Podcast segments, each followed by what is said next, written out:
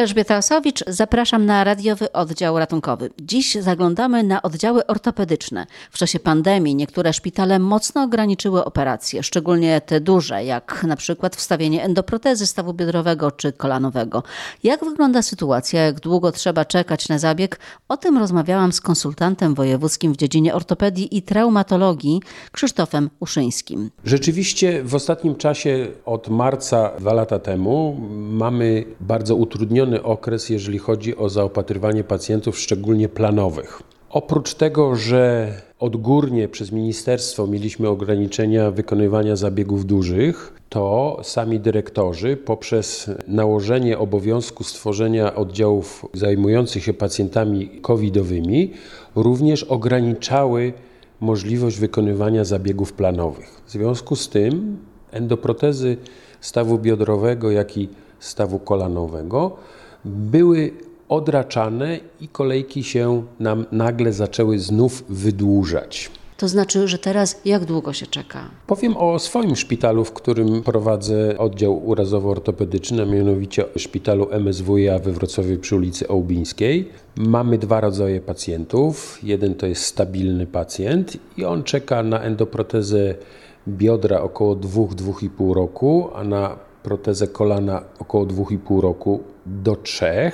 Natomiast pilni pacjenci około roku plus minus 2 miesiące. Pilny rok. Strasznie długo. Rzeczywiście jest to wydłużony okres w stosunku do zaleceń konsultanta krajowego i Polskiego Towarzystwa Ortopedii i Traumatologii, bo tam są okresy 4-6 miesięcy, w zależności od tego, jak pilny ten zabieg jest i jakie jest schorzenie pierwotne. Natomiast no to też jest kolejka. W tym momencie musiałbym robić tylko pilne a stabilnych nie. W związku z tym kolejka stabilnych musiałaby się wydłużyć. Więc my wybieramy pośrednie dojście i zapraszamy do zabiegów zarówno pacjentów pilnych, i oni są w przewadze, bo jest to 70% pacjentów, jak i stabilnych. Co mają zrobić ci, którzy nie mogą czekać? Jeżeli jest pilny zabieg związany z zakażeniem, no to on jest w ciągu 4 do 6 tygodni robiony. Nieraz jest e, natychmiast składzony na oddział. Jeżeli jest pilny, bo obluzowała się proteza, ale jest nieseptyczna, to ten pacjent może poczekać z 4-5 tygodni, 6, a nawet nieraz 4 miesiące, bo taki jest limit wyznaczony przez ministerstwo. I staramy się rewizje wszystkie, czyli obluzowania aseptyczne, czyli bezbakteryjne, robić w ciągu 4 miesięcy. To bywa bolesne. Tak naprawdę do zabiegu wszczepienia endoprotezy biodra czy kolana zgłaszają się tylko pacjenci, których determinuje ból i ograniczenie ruchomości. W związku z tym wyznacznikiem pilności niestety nie jest ból, bo go trudno ocenić. Nie ma pacjenta, który przychodzi i mówi, że go nie boli i dlatego chce się operować. Niestety kwalifikacje pacjentów stabilnych w przeszłości dokonywane były niezbyt skrupulatnie przez nas, przez lekarzy, jak i wymuszane przez pacjentów. W związku z tym zapisywano pacjentów stabilnych na wyrost. No i właśnie mamy efekt tego. W jednym ze szpitali ostatnio rozmawiałam, że w kolejce czeka kilkaset osób, ale szpital, kiedy telefonuje do tych pacjentów i mówi: Mamy termin, proszę się zgłosić, pacjenci odpowiadają: Tak, tak, tak, ale nie teraz. Słuchał pan tej audycji i zareagował. Tak, słuchałem audycji i nie jestem zaskoczony, bo my mamy te same problemy. A mianowicie pacjenci, na których przychodzi czas do zabiegu, u nas na 6 do 4 tygodni przed zabiegiem są wzywani na tak zwaną konsultację ostateczną, w której to wyznaczamy ostateczny termin, bo terminy przyznane pierwotne są terminami orientacyjnymi. Zapraszamy pacjentów, oglądamy aktualne zdjęcia, badamy i wyznaczamy ostatni, ostateczny termin. W czasie tych konsultacji bardzo często dochodzi do próby przeniesienia. Oczywiście są też rezygnacje z różnych powodów. Dzisiaj najczęściej to jest strach przed COVID-em, ale nie tylko. I bardzo dużo pacjentów, którzy chcą odroczyć zabieg. Powód? Nie boli, właśnie, sekretarka medyczna z Borowskiej mówiła o tym, że rekordziści odraczają nawet wielokrotnie, przez 10 lat. Myśmy doszli do wniosku u nas na oddziale, że nie ma możliwości odraczania z powodu nieboli. Odraczamy z powodów socjalnych, jeżeli ktoś opiekuje się mężem chorym, matką chorą, czy dzieckiem chorym i jest to udokumentowane. Odraczamy wtedy, kiedy ktoś jest chory albo w czasie diagnostyki jakiegoś innego schorzenia, które może mieć wpływ na przebieg zabiegu operacyjnego. Kiedy nie jest pacjent przygotowany do zabiegu ze względu na dodatkowe schorzenia, potrzebuje jeszcze miesiąca czy dwa, to wtedy odraczamy. Natomiast jeżeli kogoś nie boli, albo jeżeli ktoś się boi, to niestety proponujemy skreślenie z kolejki i większości pacjenci aprobują tą propozycję, mając zapewnienie, że jeżeli zacznie boleć,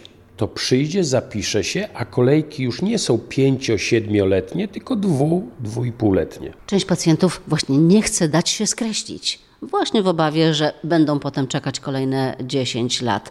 Czy takiego pacjenta, który notorycznie odracza, można zgodnie z prawem skreślić, czy on ma prawo w tej kolejce tkwić? Prawdę mówiąc, jest tak, że to pacjent musi wyrazić zgodę na skreślenie. Natomiast oczywiście my za każdym razem, chcąc przesunąć pacjenta, musimy podać do Narodowego Funduszu powód tego przesunięcia. I Narodowy Fundusz również może zanegować ten powód i powiedzieć nie, to proszę wykreślić.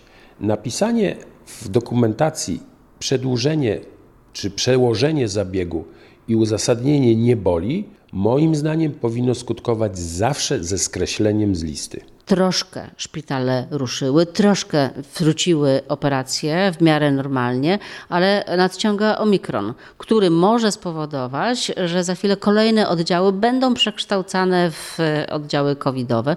No i znowu się zatrzyma to wszystko. Czego pan się spodziewa teraz, w piątej fali zbliżającej się? Już teraz w czwartej fali zaczęły pojawiać się duże problemy i te problemy polegają głównie na tym, że nie ma dostępu do anestezjologów. To oni są jedną z podstaw i filarów przebiegu zabiegu operacyjnego, bo muszą pacjentów znieczulić, żebyśmy, żeby byli zoperowani. Jeżeli anestezjolodzy zajęci są ochroną i opieką nad pacjentami ciężkimi covidowymi, to nie ma ich do normalnych zabiegów. I głównie to jest przyczyną ograniczeń wykonywania planowych zabiegów. Wy tutaj też macie oddział covidowy, tak? Kosztem których oddziałów? W naszym szpitalu cały oddział internistyczny jest przekształcony obecnie na oddział covidowy, cały oddział intensywnej terapii również na oddział covidowy. Na szczęście mamy na tylu chętnych lekarzy anestezjologów, że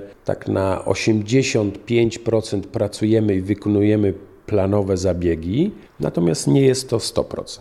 W pierwszym roku pandemii chorowali lekarze, chorował personel biały. Natomiast teraz już właściwie nie słyszymy o tym, żeby lekarze jakoś bardzo chorowali. Nie zamyka się z tego powodu oddziałów. To jest efekt zaszczepienia? Na pewno tak. Wie Pani bardzo dobrze, że przechodzenie obecnie COVID-a u osób zaszczepionych trzy razy jest przechodzeniem tego schorzenia w sposób lekki, że umierają ludzie nieszczepieni. I tak samo wśród lekarzy. Ja mam oddział, który od początku powstania COVID-u co tydzień był wymazywany. Wszyscy pracownicy są trzy razy zaszczepieni, łącznie z pielęgniarkami, łącznie z rehabilitantami, łącznie z salowymi, łącznie z lekarzami. A skąd pan to wie? Przecież w ogóle nie wolno o to pytać. No, myśmy razem postanowili, zebrali się i postanowili razem dojść do wniosku, że to jest jedyne rozwiązanie, które będzie powodować nasze bezpieczeństwo. Więc to, że ktoś jest szczepiony, to ja nie wiem kiedy, ale wiem, że jest zaszczepiony. Wracając do ortopedii, ostatnie już pytanie. Jakie skutki mogą mieć te przestoje, które wynikają z pandemii? 80 czy 85% wykonań to nie jest stop, ani 100, 110. Natomiast Narodowy Fundusz obecnie zapłacił i wywiązał się ze zobowiązań finansowych wobec wszystkich szpitali, nawet tych, które miały nadwykonania, a były takie. W związku z tym myślę, że to jest na dobrej drodze. Teraz tylko i wyłącznie świadomość pacjentów szczepienia i świadomość lekarzy prawidłowej kwalifikacji do zabiegu. Trzeba jasno powiedzieć, że jesteśmy obecnie województwem, które ma największe kolejki do endoprotez. Natomiast ościenne województwa niektóre mają dużo krótsze. Z czego to wynika? Z ilości, która jest w innych województwach robiona, większa, nie ma jednego, jednej przyczyny. Niedawno na ten temat wypowiedziała się Najwyższa Izba Kontroli, która właśnie krytykowała ten okres oczekiwania na Dolnym Śląsku, wskazując, że on jest tutaj u nas za długi. Jaka jest szansa na to, żeby to się zmieniło? Myślę, że to jest szansa zwiększenia ilości pieniędzy na ten zabieg, na te zabiegi endoprotetyczne. Ja mogę powiedzieć na przykładzie swojego oddziału, ale sama pani wie, że jako konsultant mam wgląd do zabiegów, które są zrobione na, we wszystkich szpitalach dolnośląskich. I jest bardzo różnie i to z różnych powodów, nie tylko covidowych ostatnio, ale i też personalnych. Natomiast u mnie w szpitalu ja robię około 500 protez rocznie, a mogę zrobić 700, gdybym miał pieniądze. W radiowym oddziale ratunkowym dziś to już wszystko. Elżbieta Osowicz, do usłyszenia.